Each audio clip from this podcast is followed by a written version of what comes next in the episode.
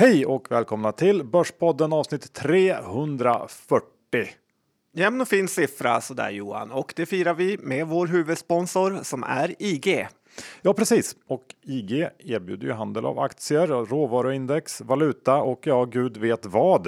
Eh, hos IG har jag till exempel eh, blankat lite Tesla på slutet. Det är ju en tradingvänlig aktie och det är ju eh, väldigt enkelt att, att framförallt blanka, men såklart också långa via IG. Så att eh, det har jag gjort.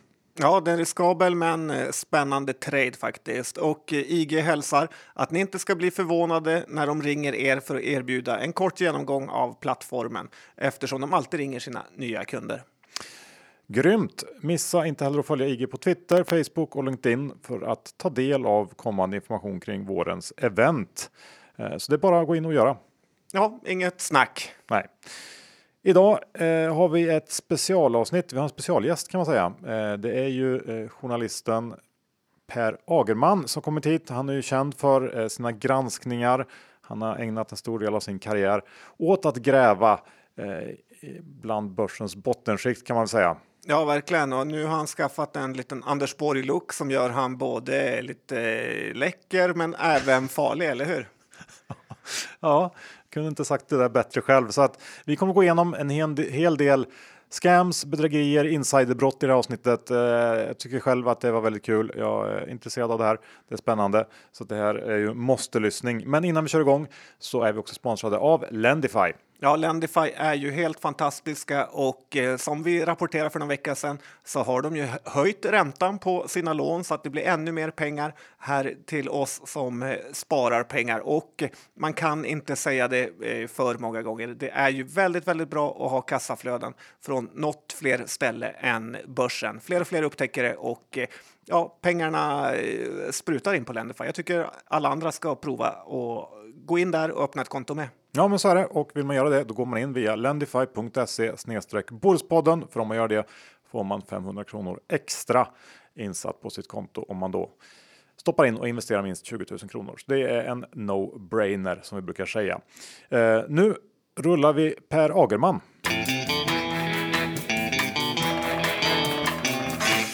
Idag har vi ju den stora äran att ha eh, Per Agerman som gäst, Sveriges kanske bästa grävande ekonomijournalist. Eh, välkommen Per!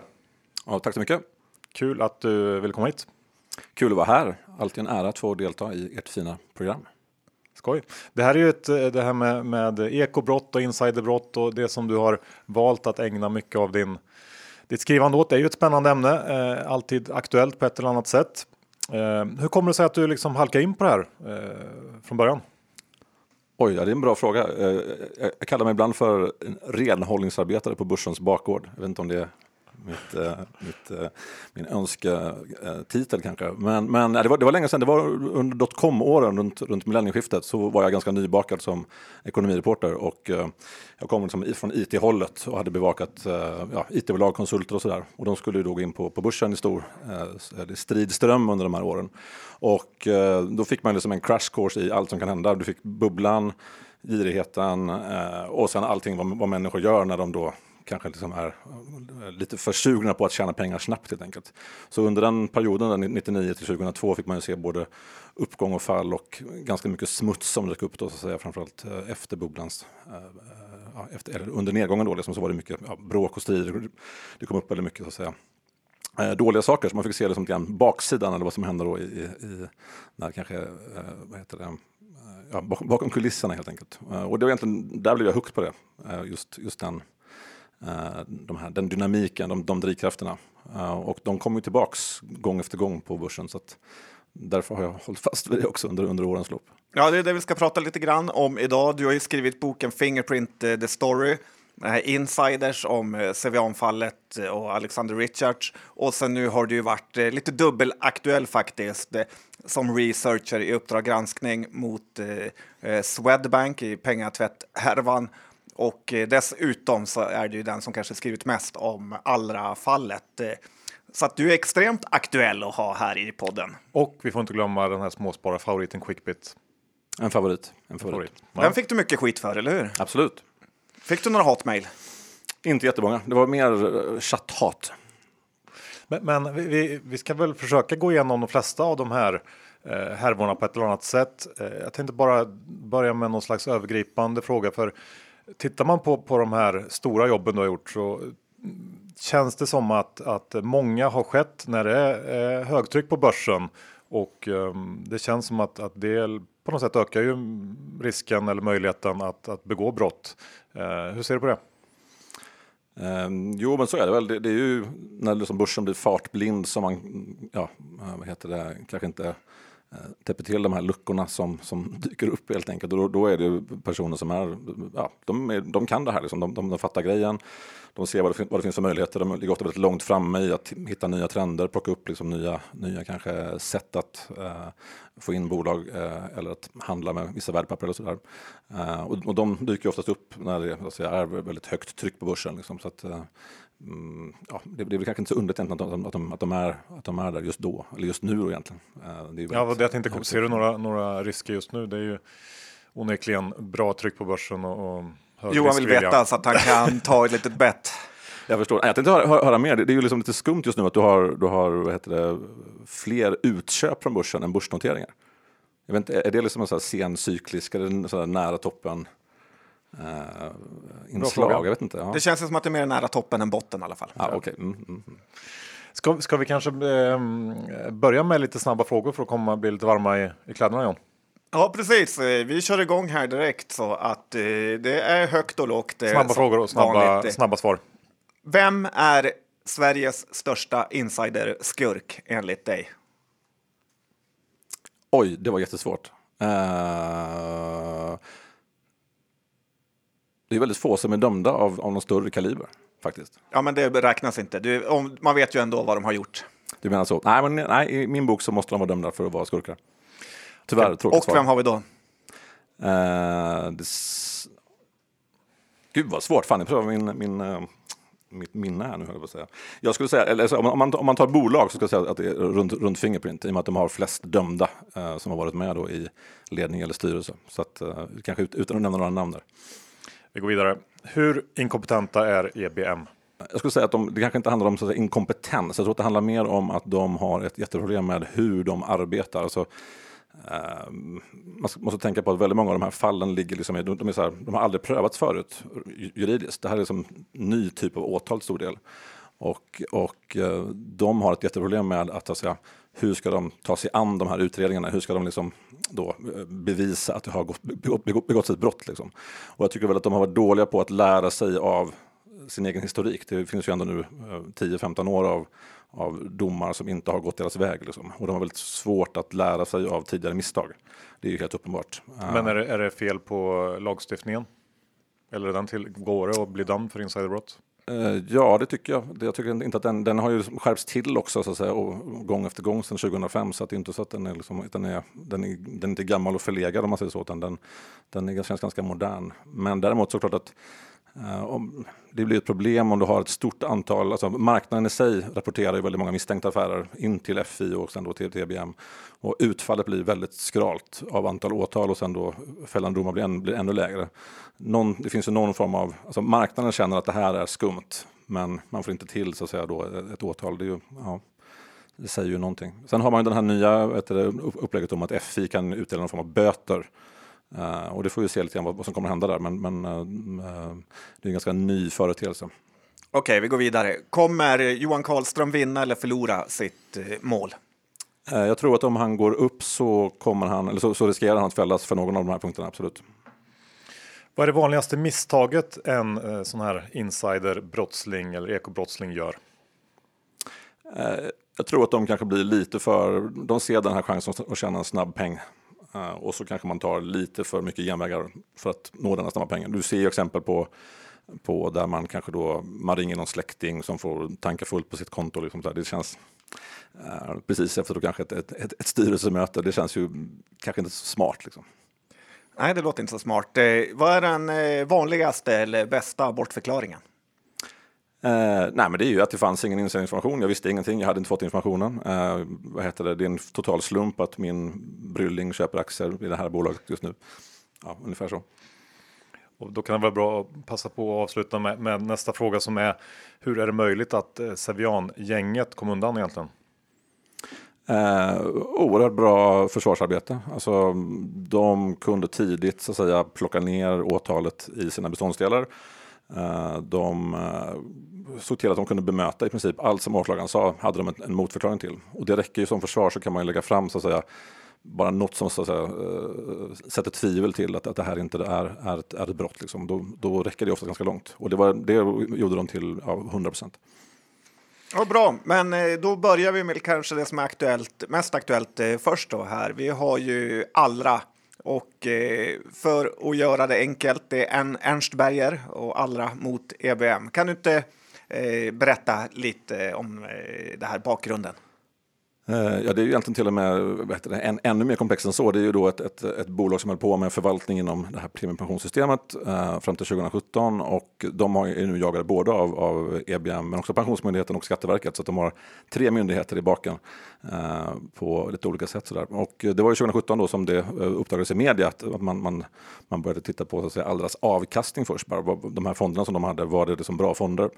Eh, och ganska snabbt i den, i den publiceringen så kom det fram uppgifter om att de hade så att säga, kokat böckerna och helt enkelt då skulle gjort, gjort affärer som var, var så att säga, bra för alla som förvaltare men inte så bra för då, eh, fondandelsägarna helt enkelt. Och där gick det väldigt snabbt. Eh, Pensionsmyndigheten smällde till bara efter ett par veckor och sa att vi stoppar de här fonderna, de får inte vara kvar inom, inom PPM. Och sen efter det så har det ju ja, varit så att säga, slag i slag om att det varit razzia från EBM, de har blivit upptaxerade eh, och då hade man, eh, de var också stämda av Pensionsmyndigheten på drygt 200 miljoner kronor i ett eh, skadeståndsmål. Eh, och nu då i höstas så var den första rättegången eh, då i brottmålet och den gäller ju då grov trolöshet mot huvudman och även mutbrott framförallt. Då. Mm. Och vad, vad exakt var det de hade gjort för de som inte är pålästa eller vad, vad är det man hävdar att de hade gjort? Ehm, ja, just det. själva brottmålet då, som eh, nu har lett fram till den här friande domen, det, det rör eh, faktiskt eh, två stycken värdepappersaffärer i maj 2012 då man köper två typer av varanter som var då, eh, skräddarsydda för de här fonderna. Eh, man köper eh, för en rätt stor peng och Eh, enligt åklagaren då så gick 40 procent av den här liksom då, eh, summan till, till den här mellanhanden, Oak Capital. I någon slags avgift helt enkelt? Precis, precis, precis, precis, precis. Ja. Och sen så eh, menar åklagaren att de här pengarna i sin tur har sen gått till alla där grundarna. Så de har fått de här i fickan eh, genom ett antal transaktioner. Liksom. Försvaret hävdar att den här 40 procent är totalt fel. De menar att det är 1,26 procent av nominellt belopp som har gått i eh, arvode då per år, vilket de menar är totalt marknadsmässigt. Och eh, den linjen gick ju då eh, tingsrätten på.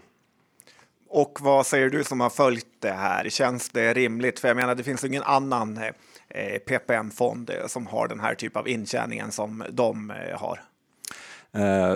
jag tror åklagaren kallar det för att det är herrejösses mycket pengar som de här, den här mellanhandeln har fått. Och så är det ju faktiskt. Det är ju, alltså det, det är ett stort belopp på en transaktion, utan tvekan.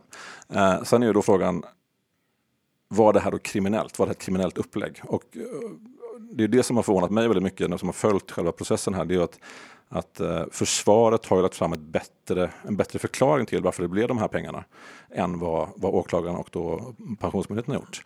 För att eh, det kom in ett expertutlåtande från försvaret förra sommaren, alltså ungefär tre månader före rättegången på drygt 100 sidor med ytterligare flera hundra sidor bilagor där man bara sa att nu har vi gått igenom massa eh, av den här typen av affärer på den svenska marknaden 2012 eh, och eh, det här är liksom en lägre spannet av avgifts uttaget så att säga, på, på, på den här marknaden vid, det, vid, det här, vid den här tidpunkten. Och då menar de den här 1, hur kom de fram till det där 1,42 eller så?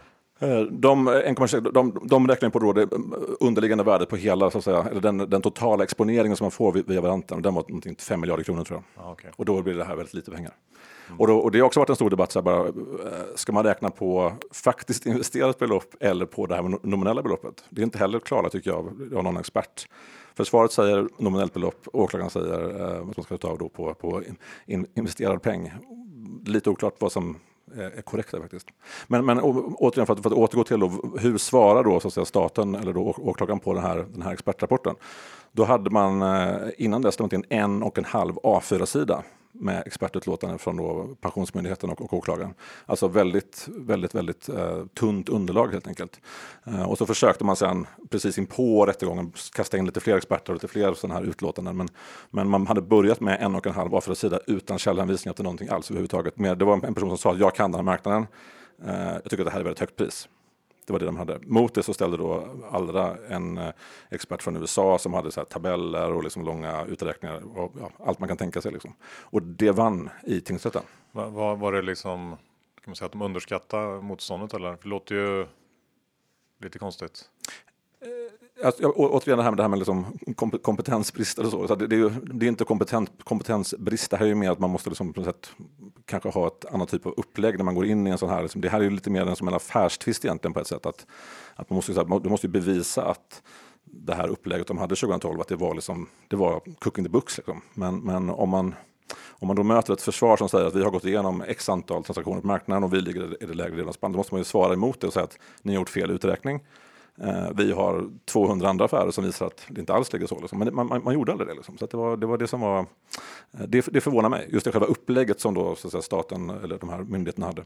Så då där, då där man körde bort sig då? ja, det skulle jag säga är en viktig förklaring till att, till att man inte vann framgång. Att man, kunde, man hade inte så att säga, bevis. Man måste ju ha bevis om man ska döma någon för brott. Så det är ju liksom, men var det inte ett annat problem med att eh, de här eh, fonderna ändå gick upp massa i pengar? Lite kanske allra gänget blev räddade av att eh, Facebook och de här stora gick upp. Så att på eh, någon vänster var det inga pengar som var borta egentligen. Utan, eh... Precis, precis. Och, det, och det är ju en, en annan intressant sak. För jag, jag, har också, liksom, när man har följt Allra-målet under de här åren, så får man en känsla av att jättemycket pengar har försvunnit bort. Men det här handlar kanske lite mer om hur ska de här då vinsterna fördelas egentligen mellan fondförvaltarna och fonderna.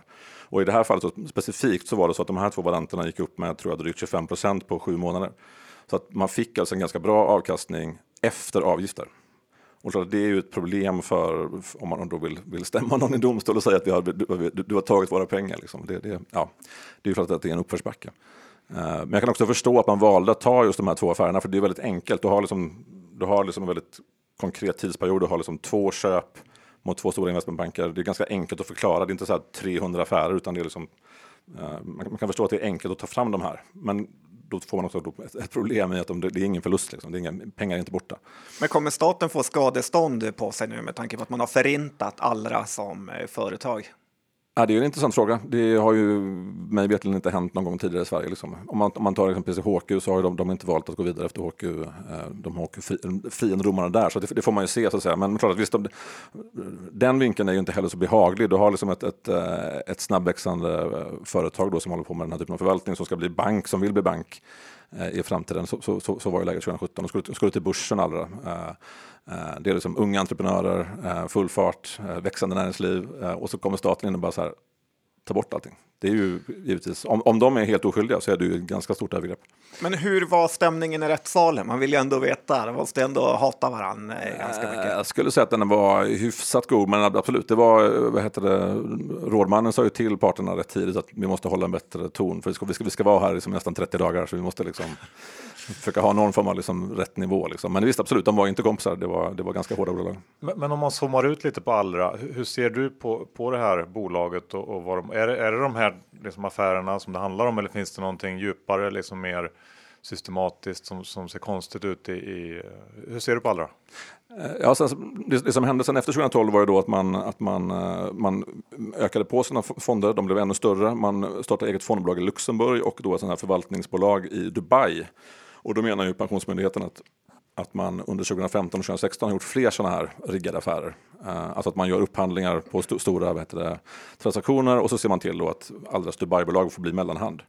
Eh, och där kan man ju se att ytterligare pengar har stannat i, i Dubai-bolaget när de gör en ett par, par sådana här affärer. Då. Så att, eh, det skulle kunna tyda på att de har försökt söka efter bra sätt att få ut pengar ur de här fonderna.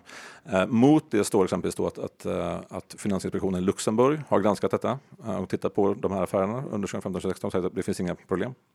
det verkar vara helt schysst. De har, de har skött det här med liksom att hitta liksom, ja, best practice, best, best, best, execution, ungefär så. Uh, och det är också en mot eller en uppförsbacke för svenska myndigheter när de då kommer och säger att ja, men titta här 2015-2016 så har ni problem här. Ja, men vi har ju den här rapporten från, från en myndighet i Luxemburg. Uh, så det är inte helt lätt. Även, även där krävs det ju att, att, uh, att uh, myndigheterna då så att säga, steppar upp och verkligen visar att det här är, liksom är överprissättning på, på de här affärerna. Um, så det, det, det, är svårt, det, alltså, det, blir, det blir kluvet. Du har ju liksom, å ena sidan så har du en myndighet, då, Pensionsmyndigheten, som säger att en miljard kronor har gått bort i sådana här överarvoden. Och så har du då försvaret som säger att vi har bara varit ett växande företag som vill, vill, vill göra bra affärer. Vi vill ta in mer av, av förvaltningsarvodena in-house än att de ska vara på andra parter ute på, på stan. Liksom. Uh, så det är, väldigt, det är två väldigt olika bilder här och det är svårt att få ihop dem helt och hållet. Men tittar man i folkdomstolen så har ju ändå Ernst Berger åkt dit eh, duktigt. Eh, jag tror knappt det spelar någon roll vad tingsrätten kom fram till. Och lite har de ju kanske sig själva att skylla i och med sina eh, ja, men Dubai-affärer och pengar fram och tillbaka och helikopter och så vidare. Det är ju det är inte den vanliga fondförvaltarkillen vi ser. Det finns väldigt många vad heter det, inslag som kan baseras i en Hollywoodfilm. Jag håller med dig. Jag håller med dig. Um, har vi en till bok på gång? Inte just nu. Vi får se. Det, ja.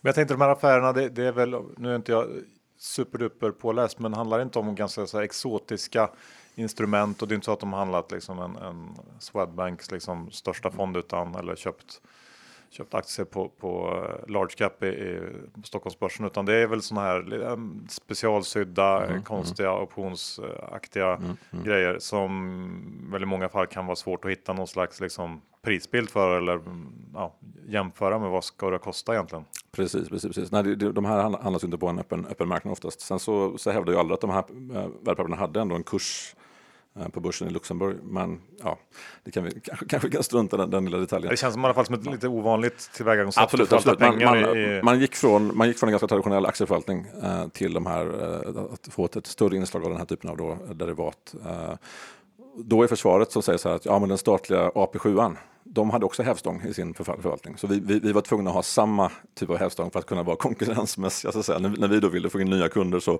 var vi tvungna att kunna, säga att vi har samma, liksom, eller bättre upplägg än AP7. Så, att de, så att de menar att staten genom då, Sjunde AP-fonden kom först med de här typen av hävstångsinstrument. Innan vi lämnar det här, så vem var stjärnan i rättegången? Hade vi någon sån här, vad hette O.J. Simpsons eh, advokat? Hade vi någon som verkligen dominerade? Eh, jag tyckte att de delade på graserna en hel del. Det fanns väldigt mycket, det är väldigt mycket duktiga advokater. Jag tycker framförallt att Per Samuelsson eh, är väldigt intressant att höra på. Han är oerhört pedagogisk och lugn och eh, väldigt bra på att smula sönder sin motståndare på ett sätt som inte är speciellt aggressivt utan väldigt bara så här to the point.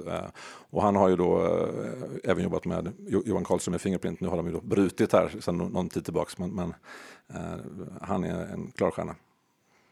Bra, då ska vi snacka lite Swedbank. Du var med i Uppdrag granskning, eh, kommittén där, eller vad säger man? Ja, det var en, en, en liten researchgrupp som sattes ihop där precis. Och hur fick ni tipset att börja titta på det här? Eh, det var egentligen ganska naturligt. Eh, en av, en av eh, Uppdrag eh, Eh, medarbetare Joakim Dyvemark som började titta på, på så att säga, de nordiska bankerna egentligen i Baltikum efter Danske Bank-skandalen. Då. Det, var, det var ju en, en naturlig fråga, så att säga, fanns det någonting mer? Alltså var, var danska ensamma i att ha uh, de här problemen i Baltikum eller fanns det några andra? Och så såg man ju rätt fort då att Swedbank och SEB var stora i, i, i Baltikum. Så det var ju naturligt att bara titta i, i den ändan helt enkelt. Hur kom ni över alla dokument? Uh, mycket bra fråga. Ja, vad, hur kom ni över dem? Mycket bra fråga. Hur kom du över dem? Vad heter det? På olika sätt, genom, genom enträgen research. Det man lär sig, du, har ju någon, du utbildar ju folk inom eh, research, det man lär sig. Man går en eh, kurs. Precis, precis. Då får man sådana scoop hela tiden. men, men vad, vad, um, vad, vad hittade, kan du inte kort gå igenom vad, vad var det ni hittade och vad, vad ja. Vi fick tillgång till en unik liksom, samling material om bankens affärer, transaktioner i Baltikum helt enkelt. Och, och eh, eh, det här var ju, om ni kommer ihåg, eh, det här var ju hösten 2018. Där det då kommit en rapport eh, från Danske Bank som sa att vi har major problems eh, i vår verksamhet i, i Estland. Eh, reaktionen från övriga banker var ju att liksom lägga locket på. Vi har inte alls samma typ av affärer, vi har inte alls den här typen av problem, vi har bara inhemska kunder. Man fick ju väldigt mycket stöd av Finansinspektionen eh, som var ute och sa att ja, men vi ser inte alls de här problemen i, i de svenska bankerna i Baltikum etc. Och under den här perioden så satt vi med, med, med ett material som visade precis, precis motsatsen då i Swedbank. Eh, så det var ju eh, en väldigt tuff period så att säga av att, att vi har ett mycket intressant material men hela, hela omvärlden säger liksom bara att det här, det här, det här finns inte. Vi sa ju det i podden här när du höll på att det är underligt hur några reportrar på Uppdrag granskning kan vara bättre än vad Finansinspektionen är. Och hur är det ens möjligt?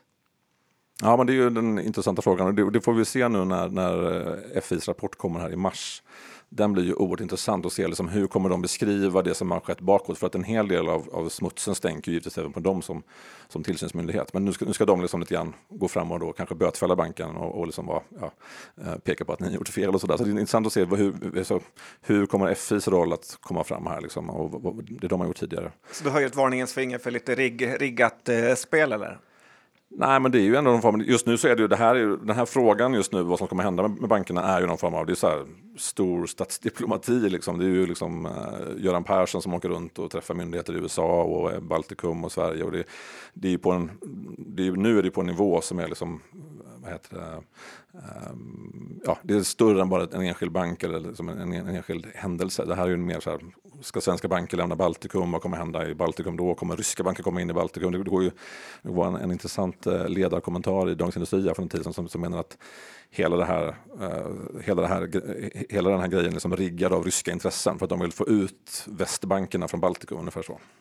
Så att det här är ju på en, på en större nivå just nu. Det här med att bankerna säger att de har blivit utnyttjade och inte tjänat några pengar, eh, stämmer det verkligen? Nej, kan du inte, hur, hur, lite mer konkret? jag vill bara fortsätta där. Har de tjänat massor med pengar på det här? Ja, man tror att, de, att de har tjänat pengar. Det är också intressant att, att det var en period, ni kommer ihåg, att det fanns en finanskris. Baltikum var rätt skakigt där 2008, 2009, 2010.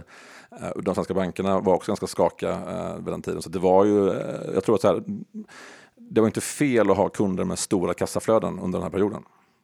Sen exakt hur mycket pengar man har tjänat, det kan man ju debattera. Och det, det måste ju egentligen det som Swedbank och FI måste visa upp. Liksom. Vad, vad, har, vad har kommit ut ur detta? Liksom. Men, men, det är ju en...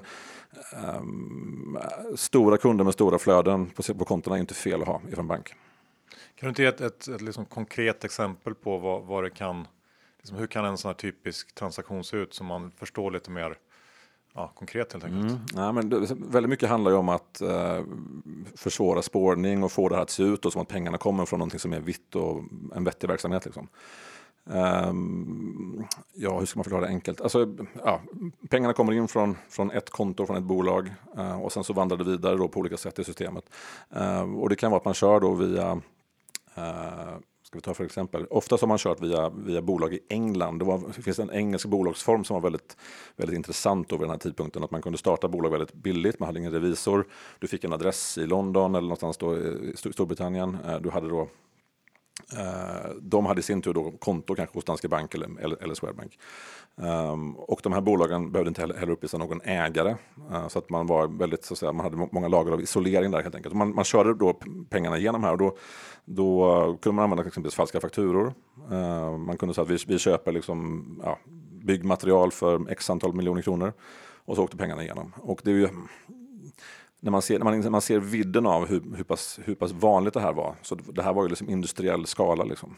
Um, det var inte så att det var liksom en affär någon gång ibland, utan det här var ju liksom varje vecka som det bara sprutade igenom pengar. Liksom. Och det är där man blir lite oroad för att det här med då, är bankerna lurade eller var det bara att de hade liksom Ja, det där flödet ska vi inte kolla på ungefär. Liksom. Det där är ju den stora frågan, just att kan man inte se så mycket pengar? Samtidigt om man ska vara liksom jag vet inte hur mycket, hur mycket transaktioner sprutar igenom Swedbank varje dag. Det måste ju vara liksom miljarders miljarder. Vad kan man kräva egentligen? Eh, speciellt om man, om man mm. liksom Nej, försöker dölja det väldigt noggrant så är det ju svårt. Alltså. Absolut, absolut. Men jag skulle säga att i det här fallet så skulle jag säga att man har också valt att inte titta så noga mm. på det. Mm. Men absolut, det är ju det är klart att det är en jätteutmaning att du har ett enormt flöde. Du har, du har, en, du har professionella aktörer som bara tänker hela tiden på hur ska man lura systemet. Och visst, det är klart att det är en utmaning. Men, men ehm, jag är själv inte utbildad ekonom, jag är inte jurist. När jag ser på materialet så ser jag ju själv att fan det här ser skumt ut. Bara med en okulär besiktning. Um, och då tycker jag att proffsen på banken borde, borde kanske ha ja, Men tror du att eh, folk inne på banken har hjälpt till med det här genom mutor och tjänat pengar? Att det är liksom ingrott i systemet? Jag kan, inte säga, jag kan inte säga att det är så, för jag, det har jag inga belägg för att säga. Men för att någonstans, någonstans här så har man ju eh, ett så systemfel i banken. Att, hur kunde det här få pågå så länge? Sen ifall det då är folk som är köpta eller inte, det kan jag inte säga. Men, men det, är no, någonting, det är så pass omfattande så att det är liksom, någonstans val är det ju. Antingen att man har valt det bara för att det här är en bra affär, det här är bra för banken, vi får liksom en ökad omsättning och vinst. Eh, eller att man då kanske också varit mer med, med, med på det, men det har jag inte belägg för. Om man jämför Swedbank och Danske Bank, är det några stora skillnader där? För det sägs ju att Danske Bank är än värre åt gången. Jo, precis. precis. Danske har gått ut med en siffra som är större än den som Swedbank har gått ut med. Men det finns ju en siffra eh, internt på Swedbank. De har en intern rapport eh, från en norsk utredare eh, som visar att Swedbank ligger inte jättelångt ifrån Danskes volymer. Och det är ju en, liksom, den siffran är ju så här, den verkligen så här, det är en chocksiffra. Så att säga. Och det blir mycket intressant att se nu i mars här, vad som kommer komma fram då. Hur mycket kommer de berätta om den här, den här volymen helt enkelt. Men den här interna rapporten, ska du ha tillgång till den eller är det bara sånt som trillar ner i din mailbox lite då och då? Eh, vad heter det? det viktiga är väl att banken hade tillgång till den eh, innan de då gick ut och sa att de inte hade några problem. Men en grej jag funderar på är ju vad, vad liksom tjänar man egentligen som bank på att skicka massa pengar? Jag menar, intjäningen på betal, liksom, om jag betalar en faktura med vår företagsbankkonto, det är ju ingenting som de tjänar några pengar på mig på. Uh, nej, det är absolut det är inte en hög marginalprodukt. Liksom. Men de har hjälpt till med det är ju valutaväxling, transaktioner, det är ju liksom små fees som kommer in hela tiden. Uh, och sen är också den här gr grunden att, att du har liksom, du vill gärna ha liksom en, en kontoinlåning helt enkelt. Det är ju liksom en ganska bra grund att ha. Det är bra att ha ett kassaflöde i banken. Liksom. Uh, Men det är liksom inga andra betalningar än det är de vanliga avgifterna för att liksom ha ett konto och växla pengar och i princip så. Sen så, jag kan inte heller säga att jag, jag har inte full insyn i exakt vad de har, liksom, vad de har fått betala. Sen så vet man inte om, de var, om det var, har varit extra höga avgifter på den här typen av då, lite mer riskfyllda trans, trans, transaktioner. Det är också en intressant fråga om de har, har de en, en eh, differentierad prissättning jämfört mot, mot en vanlig dödlig Svensson. Mm. Det vet jag inte. Men vad sa Swedbank när ni konfronterade dem med de här siffrorna? För eh, dels tänker jag att eh, aktiekursen kollapsar ju av det här. Det var ju verkligen inte bra för dem. Och eh, sen tänker jag också lite det här med läckor. Ni hade ju, får man signa några papper om man jobbar i den där redaktionen? Eller? För det är ju väldigt bra info annars. Eh, två frågor. Alltså, just när det gäller vårt, vårt arbetssätt så har det varit extremt noga med att inte, vad heter det, eh, ja, egentligen här, maximera, minimera säkerhetsrisken helt enkelt. Det är väl det som har varit genomgående. Eh, man får ju, typ, så väldigt få personer eh, kände ju till att vi höll på med detta. Vi var en väldigt liten grupp och även då internt på SVT så var ju inte det här känt förrän väldigt nära in på publiceringen. Liksom. Så det handlar väldigt mycket om att konsekvent arbeta med att minska antalet, antalet läckor som kan dyka upp. Liksom. Um, sen när det gäller hur banken reagerade, det är ju, det är ju, ja, ni kommer själva ihåg att de var väldigt, kanske så lite tafatta och inte kunde kommentera och inte ville kommentera. Man la det ju väldigt snabbt i en utredning. Uh, man, man köpte sig tid genom att säga att vi, okay, vi, ska, vi ska snabbutreda uh, eh, Uppdrag gransknings uh, eh, transaktionslista, ungefär så sa man ju. Um, så man försökte ju med de här vanliga traditionella metoderna bara få det här att lite grann dö ut. Men sen så så det intressanta med den här storyn är att den har ju, den har ju egentligen levt i 12 månader. Det är väldigt få stories som lever så länge rent nyhetsmässigt. Men fortfarande så är det nyheter runt Swedbank och, och, och penningtvätt. Eh, och så var det under, under hela förra våren. Det kom ju slag i slag, slag, slag, slag nya saker. Och det var ju även andra medier som hängde på och, och liksom hittade grejer och, och hade bra avslöjanden under vägen. Eh, men sen så till slut så spelar ju lite grann Swedbanks äh, agerande emot dem mer och mer. Liksom. Det, det, blev liksom, det, det var inte hållbart liksom, att, att bara vara muskler och inte säga någonting. Liksom. Uh, ja, det har ju rykt en hel del folk från och anledning till att Göran Persson har kommit in här för att städa upp. Har du någon uppfattning om honom? Nej, men han är ju superproffs, asduktig på, han älskar så, som, det var så skönt att, att höra någon kommentar han hade var det i somras han, hade, han sa att han, nu skulle han äntligen få liksom jobba som back in the days. Han ska få jobba liksom övertid och verkligen så här gräva ner sig. Det är en arbetsnarkoman äh, känner igen sig där. Det är ju kul. Jag tänker bara det sjukaste av allt var väl nästan när Finansinspektionen fick eh, frågan vad de skulle göra nu och sen sa de att de skulle vänta till nästa vecka när avsnitt eh, två kom. Det var ju en höjdare.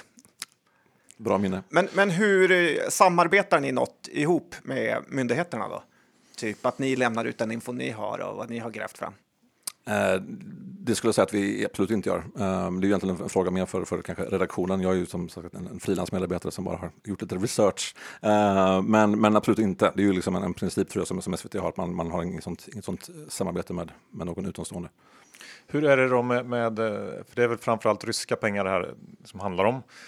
Och då tänker man ju direkt liksom Putin. Har man läst Bill Browders den här Red Notice så, så han hävdar ju att Putin är världens rikaste man. Kanske stämmer, jag vet inte. Men, men eh, har det kommit några påtryckningar från, från ryskt håll? Hur, hur reageras det där borta? Eh, nej, men det har väl framförts, om man kollar på programmen så har det framförts en del kommentarer då från ombud och advokater, bland annat från, från eh, ex-presidenten i Ukraina som eh, meddelade då till redaktionen att han är helt oförvitlig, har inte gjort någonting fel alls när han var president. Eh, och det har ju också då det, berättats i programmet så att säga.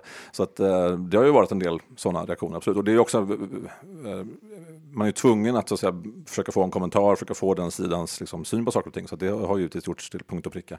Sen har inte de varit, velat göra någon större intervju eller så, så äh, ännu, med, av kanske för, förklarliga skäl. Men, men äh, de har ju varit intresserade av att, att, säga att de har inte gjort någonting fel, så är det absolut.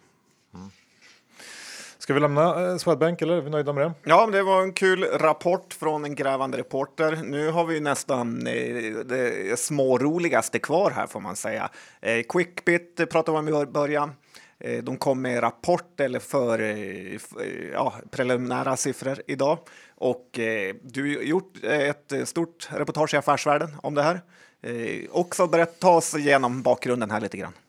Eh, ja, men det är väldigt spännande. Mitt i sommaren då, förra året så kom det ett nytt bolag in på minibörsen NGM eh, som heter Quickbit och eh, de gick ju som en raket där mitt i sommartorkan. Det var ju en enorm uppgång eh, och de nådde ju till och med miljardvärdering efter bara några veckor där. Så att, eh, ja, det är ju en ny, en ny det, svensk unicorn inom fintech-området eh, som bara, bara så, så här, poppade upp egentligen precis eh, helt utan mediebevakning.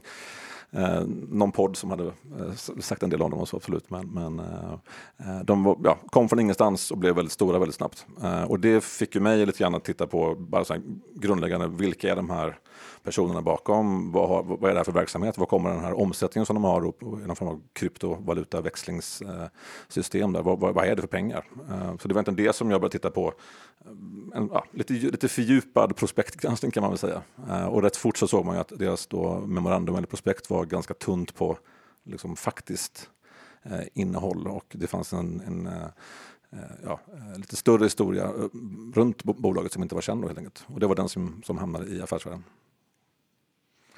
Och, och vad är din syn på, nu har väl den här håsen kring Quickbit falnat lite grann, fortfarande ganska, ganska högt börsvärde.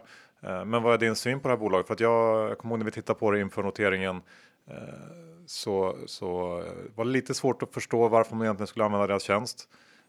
Liksom köpa någonting på nätet och gå via Quickbits lösning för att jag tror de hävdar själva att man skulle minska risken för bedrägerier och sådär. Eh, jag vet inte riktigt, det kändes lite, lite eh, ja, vad ska man säga, krystat tyckte jag. Eh, jag har aldrig hört talas om någon som använt det heller. Och vi spekulerade lite i då tror jag att det var, kanske kan användas till till exempel och, spela på, på spelsajter för amerikanska medborgare till exempel. Eller göra saker som, som man kanske inte riktigt får eller kan göra så lätt annars. Ja, det är ju fortfarande den stora frågan. De, de har ju en, en miljardomsättning tror jag nu då, sista kvartalet om jag inte läste fel. Och det är ju, frågan är vilken typ av kund är det som då gör den här typen av växling mm. i sån hög omfattning. Uh, och det har de inte, ja, de har inte kanske något skäl eller måste berätta det, men, men, eh, men det är ändå så här, varifrån kommer pengarna? Det är en, en fortfarande tycker jag, intressant fråga som inte är helt besvarad. Ja, för, för att det skulle vara någon slags generell så detaljhandelslösning på nätet. Att, att det, det kan man ju liksom ganska direkt liksom avfärda, för det stämmer ju inte. Det är ingen som går in på H&M och skulle vilja använda den här lösningen. Sen kan man säga så att personerna runt Quickbit har jobbat under väldigt många år med nya typer av betalningslösningar och de, de är, liksom, de är ganska långt i frontlinjen på att hitta liksom nya typer av Eh, ja, intressanta affärsmodeller helt enkelt mm. i, på den här marknaden. Och det, och det kan ju vara så, det, det, vet inte jag, det kan ju vara så att det finns mm, ett antal länder i världen där det är kanske är svårt att e-handla med uh, kontokort och dollar. Man kanske då kan använda den här typen av, av uh, kryptovaluta mellanhand som ett sätt att kanske komma runt ja, så att säga, blockeringstjänster och annat. Jag vet inte. Men man får ju väldigt snabbt ändå, man får en känsla av att man kommer ganska långt ut på, på lite mörkare sida av internet här. Jag vet inte. Det, men det är ja, återigen det är svår, svår, svår, svårt att säga. Det pratades ju om att du skulle bli, eller Affärsvärlden skulle bli stämda för det här reportaget ni gjorde av ledningen. De var extremt eh, arga på dig. Aktieägarna var arga på dig. Eh, varför letar du upp sådana här härvor? Ja, men återigen, det är ju väldigt spännande och jag tycker också lite, lite, lite förvånansvärd reaktion för att det vi gjorde var ju att ta fram, eller det jag gjorde var ju att ta fram Eh, Eh, det som inte stod i prospektet som jag tyckte att det här är intressant att veta för den aktieköpande allmänheten. Alltså, det är intressant att veta vilka som styr bolaget, det är intressant att veta hur själva eh, det, verksamheten funkar, vilka externa parter de är beroende av för att göra, ha sin verksamhet. Liksom.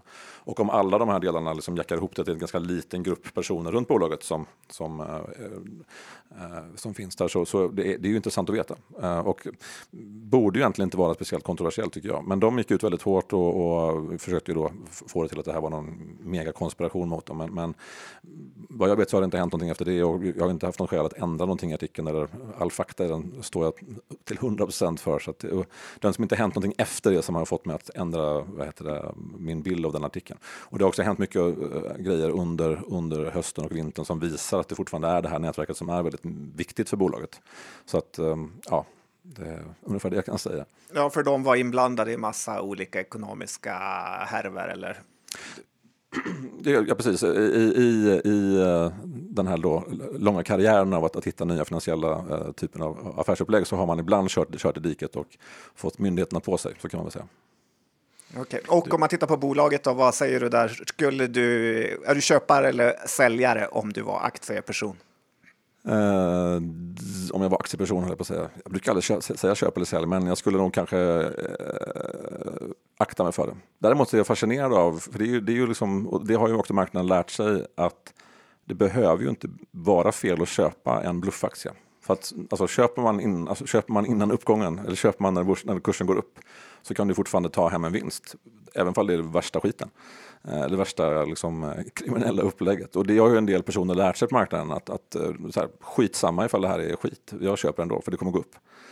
Och sen så säljer jag. Och det är ju frågan, där tycker jag är en större, mer moralisk, etisk debatt om hur man ska agera på börsen. Ska man verkligen du stödjer ju den här typen av då kanske liksom konstiga upplägg ifall du går in där. Men ja, det, just idag så verkar den, den, den rådande trenden vara att kan jag tjäna pengar, då, kan jag, ja, då är det helt okej. Okay, liksom.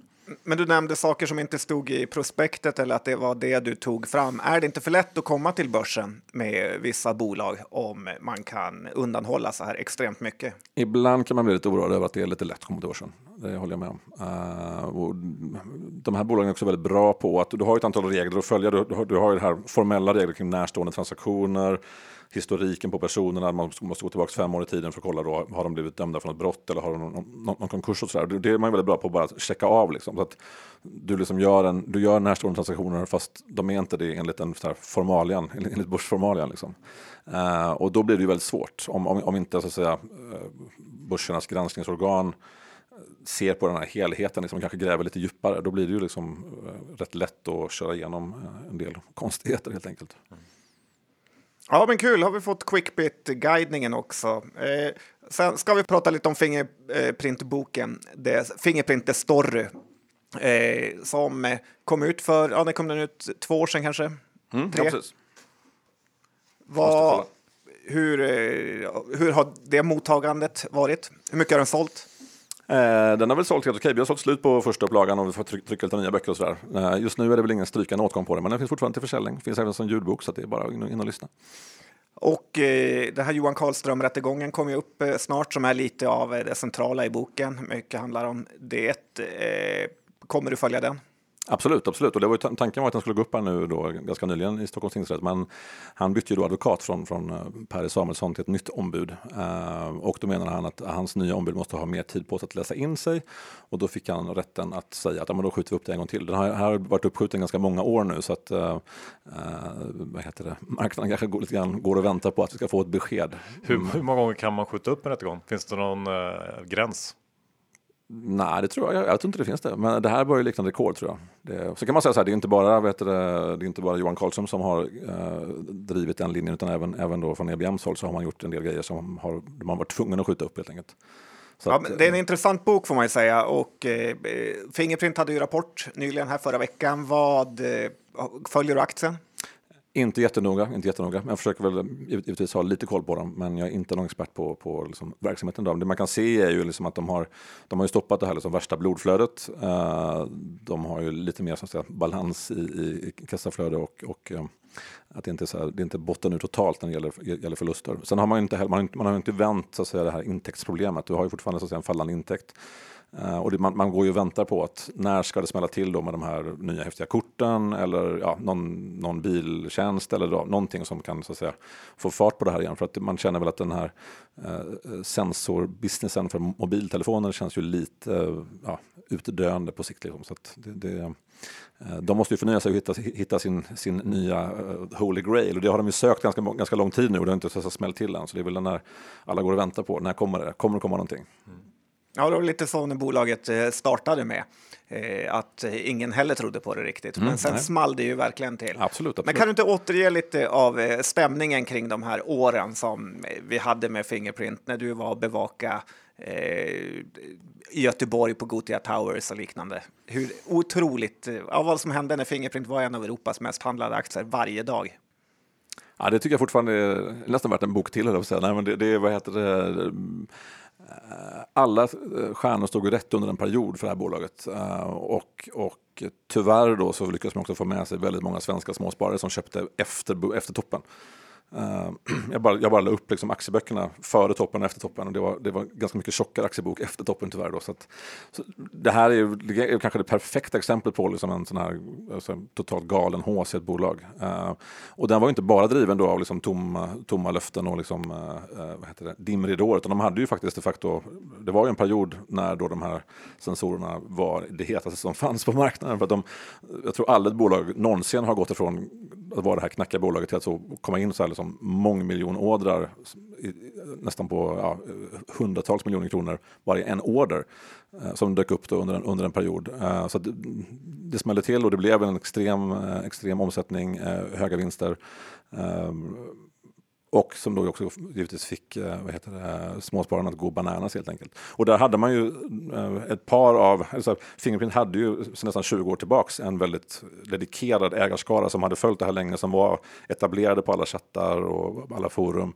Och liksom, de kunde ju så att säga bara haka på den här den här liksom då positiva så säga, strömmen och verkligen få till att det blev en... Ja, det blev Mat, liksom, mata liksom med, med precis, precis, precis, ja, diverse fakta. Och, ja. Sen kan man säga så att efter den här då fantastiska uppgången och där de verkligen med rätta kunde kallas för ett succé, succébolag så har man kanske inte helt infriat liksom förväntningarna därefter. För sen har man ju exempelvis lagt ett antal Eh, till och med miljardbelopp på konstiga saker som återköpsprogram. Man har köpt något bolag i USA som håller på med iris-scanning för jättehöga pengar. Och där är fortfarande så här eh, alla de pengar som fanns i kassan efter det här, hur, hur, har, man, hur har man förvaltat dem egentligen? tycker jag är en, en, en intressant fråga.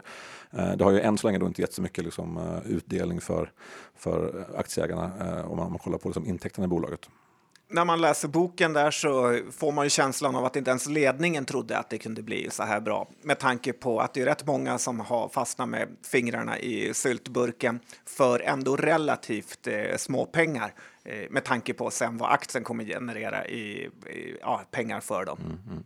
Nej, men det, absolut, det, återigen så kanske det visar just att när man då när man sitter väldigt nära den här pengapotten, den här kanske lite mindre beloppen som det handlar om i det här fallet när det gäller de åtalade insiderbrotten. Så att man, man har liksom valt att skita i den här långsiktigheten och verkligen nu ska jag se till att köpa det här nu. Jag, jag köper någon konstig liksom, hävstångsprodukt för att jag vill ha utdelning nu. Uh, de skulle ju ha bara köpt på sig vanliga aktier och suttit lugnt i båten. Liksom. Kanske kört ett nytt optionsprogram ungefär så. Eh, det hade ju räckt väldigt mycket längre. Men det är ju det är så svårt att veta vad heter det, Eh, intressant att se att, att, även personer inne på insidan kan ha så svårt att se så att säga, den, här, den här framtida potentialen. Då. Vem skulle du säga är den personen som har drivit det här bolaget och gjort det så framgångsrikt? För det finns ändå en hel del profiler här med Karlström och Lanto och så vidare. Eh, jag, alltså, Johan Karlström måste ju verkligen få liksom en, en eloge för den delen. Alltså, han har ju varit oerhört dedikerad. Så han, så han gick in som vd då, så har han ju sett till att Eh, han var ju själv kanske inte någon expert inom telekom, men han, han fick ändå in väldigt, väldigt tunga telekompersoner i det här bolaget. Eh, och han hade ju lite draghjälp av då att, att Ericsson och Sony drog ner i Sverige och han kunde plocka över så här som verkligen veteraner eh, som man kan se då i, i styrelse och ledning i det här bolaget. Och de hade ju också, det finns ju en del, de var med i boken där de ser till att ordna ett så här, informellt möte med en jättehög chef inom, inom Samsung. För de ville ha Samsung som kund då liksom. Och då kan de så knyta ihop en av de de här veteranerna som kommer in och hjälper dem kan då kopplas ihop med, han, han känner Samsung-chefen. Uh, och, och då har de ett hemligt möte i Lund eh, och för, för att försöka öppna dörren till Samsung. Liksom. Det är ju uh, tycker jag, väldigt så här, spännande liksom, affärshistorisk händelse helt enkelt, den typen av så här, toppmöte som sker. Och det var ju mycket, eh, det var ju kanske inte Johan Karlströms eh, så här, kompetens inom telekom, men han hade, ju, han hade ju förståelsen för att han måste få in tunga människor med kontakter. För det här är liksom en ganska liten bransch, det är en gigantisk bransch, men det är också en ganska liten bransch.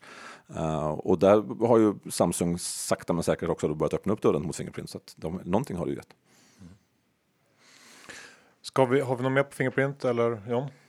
För jag är lite sugen på, på eh, jag har ju ett specialintresse i den här Alexander Richards-sfären och jag tycker också att det är lite intressant eh, just för att den typen av bolag, eh, om man tar NRST till exempel som han drev, är ju ett sånt bolag som jag tycker återkommer ofta när det handlar om bolag som små småsparare förlorar mycket pengar i. Det är liksom maskiner som ska, som ska rädda världen och omvandla i det här fallet var det väl sand till mineraler och annars kan det ju vara liksom däck till olja eller ja, man ser den här, den här liksom eh, eh, alkemi, liksom idén återkomma gång på gång på börsen tycker jag. Um, eller? Absolut, men, och, det, och det är ju, vad heter det, någon gång så händer det ju. Eller hur? Det är ju liksom, det, är ju det som är drivkraften, att, att, att, en del av de här... Fast det har ju aldrig hänt, så det känns ju ändå som att det kan, det är väl snarare tvärtom, att det händer ju aldrig. Du har, du har en poäng där. Ja. Nej, men, men, ja, men, men, men det, gäller att hålla, heller, det, det gäller att hålla drömmen vid liv. Ja, men, om, om, om, om, du inte har en lott så kan, kan du inte vinna. Liksom. Nej, så är det ju. Jag förstår vad du menar. Mm. Men just med tanke på det och, och hur, hur ändå mycket optimism det finns där ute nu och, och, just nu är det väl kanske mer liksom, företag som ska rädda klimatet med diverse olika uh, maskiner. Men det här återkommer ju som sagt, så därför tycker jag att det kan passa lite bra att mm. gå igenom den här den härvan som skedde någonstans 2006-2007 va? Eh, innan förra kraschen. Ja, precis. Ja. Ja, det är många år sedan, det är 15 år sedan. Ja, det... Eh, med eh, Alexander Richards och hans bolag. Precis, precis. Ja, nej, det var ju en, en, en affärsman med väldigt mycket idéer och väldigt mycket energi som lyckades få det var till och med fyra bolag till sist som han fick in på, på aktietorget och han hade ytterligare två på gång in. Så att han skulle slå rekord i antal noteringar där på bara ja, drygt ett och ett halvt år ungefär. Eh, och det var ju som, som du säger, det var ju häftiga maskiner framförallt eh, som, eh, som skulle då, eh, i det här fallet med, med NRST så var det ju, man skulle eh, dränera gru, vattenfyllda grustag runt London. Man skulle liksom rulla runt på botten av... Precis, man hade som en stor dammsugare, en stor snabel som gick ner för att suga upp detta. Liksom. Och, eh, man, man, man, kunde helt enkelt komma åt mer sand då än vad någon annan hade kunnat göra tidigare. Så man kunde liksom, det låg en outnyttjad resurs där på botten av de här, ja, de här grussjöarna. Liksom. Och de skulle det här bolaget då kunna, kunna fixa till. Liksom. Och, det känns som att sådana här idéer attraherar också orimligt mycket gubbar, gör det inte det? Som aktieägare. Absolut. Jag tycker, eh, det är också intressant. Eh, jag funderar på, är det någon kvinna som har åtalats för insiderbrott någonsin? Det tycker jag, så här, jag, jag, jag tror inte det. Det är också en bra poäng. Uh, ja, men uh, precis. Men den här maskinen funkar ju inte. Eh, inte alls i den utsträckningen som de hade lovat. Eh, och det finns jättekul videos och sådana saker där man kan se hur den här, om man är nördig kan man kolla på hur, hur det såg ut. Liksom. Det, var väldigt, det var som en prom och sen var det den här då sugmaskinen. Liksom. Eh, och det intressanta var ju då återigen, som man, det, det de sa till marknaden var att det här är världens bästa maskin. Den har en enorm sån här förmåga då att få upp den här sanden och det, liksom bara, det kommer bara spruta sand och så tog man då gånger, sandpris gånger antal ton man kunde få ut. Eh, och det här skulle bli då större än ja, inte vet jag, Google typ. Eh, men sen då när man läser de interna mejlen som kom fram då efter förundersökningen så ser man ju så att de har jätteproblem. De har inga pengar att betala liksom, lokala leverantörer. De hade jättemycket driftsavbrott. Det satt, stod en kille med gummistövlar där och skulle få, få det här att funka. Liksom, och det, nej, Alltså det var katastrof. Uh, och sen så kallar man in då, även där så, så, så, så körde man ju en, en sån här, man, man, man la det här i en utredning då, när, när vi skrev artiklar om det här så sa man nu ska vi verkligen gå till botten med detta och, och utreda vad som har hänt här. Och så man kallade in några, några revisorer som fick åka, åka över till England för att kolla då, vad fanns det någon liksom verksamhet? Och de, var, de bara så här, nej, det, det finns inte. Så att, så att um, rätt fort så, så small ju den här bubblan helt enkelt då. Uh, och, och um, ja, sen har det ju hänt igen. Det är ju den här frågan just att, just att hur ska börsen sortera bort de här typen av bolag? Liksom? En del menar ju att vi måste ha den här typen av bolag för att om, om vi inte har den typen av öppenhet mot nya idéer så kommer vi inte hitta den här liksom, ny, nya häftiga bolaget som kanske dyker Nej, upp. Då, det är svårt, av hundra. såklart. Det är svårt.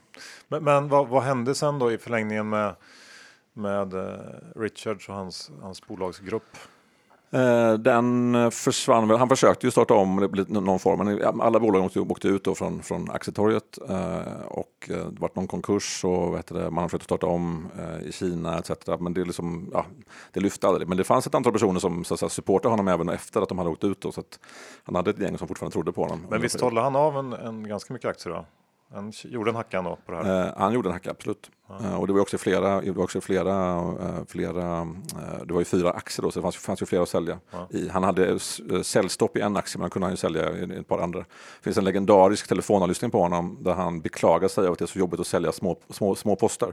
För att om man säljer för stor post så kommer kursen gå ner för snabbt.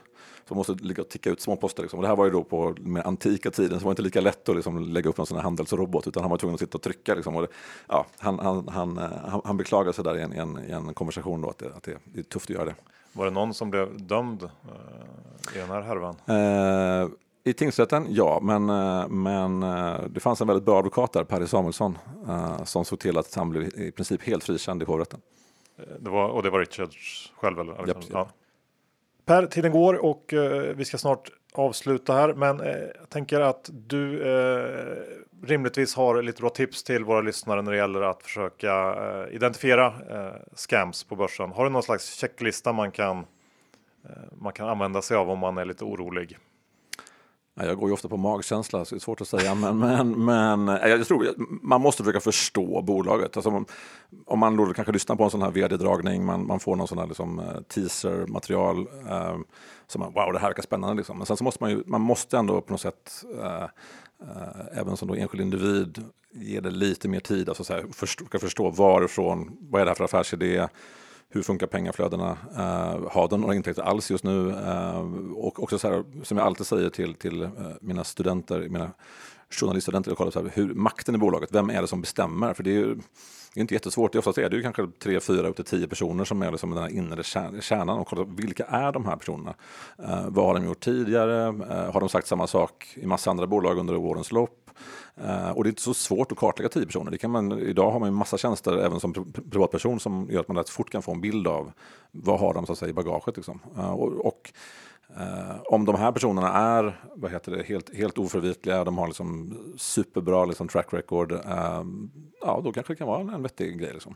Men om man ser att det finns mycket ja, olika sådana här spännande eh, affärsidéer under årens lopp, det kanske finns lite konkurser, eh, det verkar vara som att det är samma personer som dyker upp i olika sammanhang, då tycker man ska börja, då har man skäl att kolla ännu djupare på det. Liksom. Eh, så det är väldigt grundläggande, väldigt enkla saker egentligen. Att man, man ska gilla eh, det, det man ser men också så förstå vad händer under huvudet. Liksom. Och vem är det som, den här, den här frågan, vem är det som så att säga, håller, om man tänker sig att det är ett styrelsebord så här, då, Eh, då är det oftast någon, en, eh, kanske en eller två personer som håller så att säga, inte bara håller i klubban, men som håller liksom taktpinnen, vad, vad som händer på det här mötet. Liksom. Och det försöker hitta de här personerna, vem är det som verkligen bestämmer? Och det kan ju vara att man har, du kan ju ha en ordförande som är då oberoende och jätteerfaren och gammal telekomgubbe. Liksom sådär. Men är det verkligen han som bestämmer i bolaget? Eller är det någon annan som sitter? Är det så att vdn är med på varje möte och driver liksom agendan framåt? Det är den typen av frågor som man måste kanske eh, gräva ner sig lite grann i och försöka hitta, så här, vem är det som verkligen styr här och då, vad kan de ha för, vad kan de ha för eh, motiv till det? Och sen är det så här, bara grundläggande, just om man, om man ser sådana här, idag finns det ju massa grova exempel på att man, man ställer ut optioner eller man, man gör nyemissioner precis ganska nära in på noteringen till väldigt låga kurser. Och sen så får vi då vanliga dödliga köpa till en väldigt hög, mycket högre kurs. Så att jag har något, något, exempel man kunde se att uh, bara genom själva noteringen så blev en person i ett bolag eh, 40 miljoner kronor rikare. Bara för att han råkade köpa en option då, liksom, två månader innan. Liksom, det är så här, den typen av grejer är ganska stötande. Och därför ser man ju att de försöker testa på nya sådana upplägg just nu, ganska, ganska hög grad. Så det är ju en sån varningsflagg. Mm. Den typen av, alltså just när man, det är inte schyssta villkor mellan de nya ägarna, de, de, de som kommer in då vid, vid, vid noteringen och de som varit med sedan tidigare helt enkelt. Sådana enkla saker. Ja, intressanta ord. Common sense is not so common, som Charlie Munger brukar säga.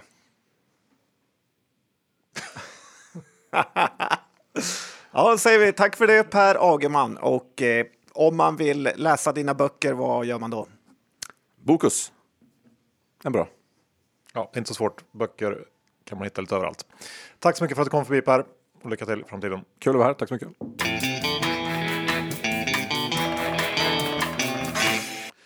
Tack för det Per och tack IG som är vår huvudsponsor. Gå in på ig.com, öppna konto, inga konstigheter. Nej, du kan blanka köpa vad som helst. Ja, ungefär så. Kortfattat. Kort och koncist. Och eh, Lendify, gå in på lendify.se snedstreck Bohuspodden så får du en fem hunka extra insatt på din konto om du investerar minst 20 000 kronor och det är ju en fin start på ett Lendify sparande. Vi har eh, stor del av företagets pengar hos Lendify och är nöjda. Ja, verkligen. Inget eh, snack. Lendify.se. Ja, bra. Eh, då är det väl inte så mycket mer att säga än att tacka för oss och så hörs vi om en vecka igen. Det gör vi. Hej då!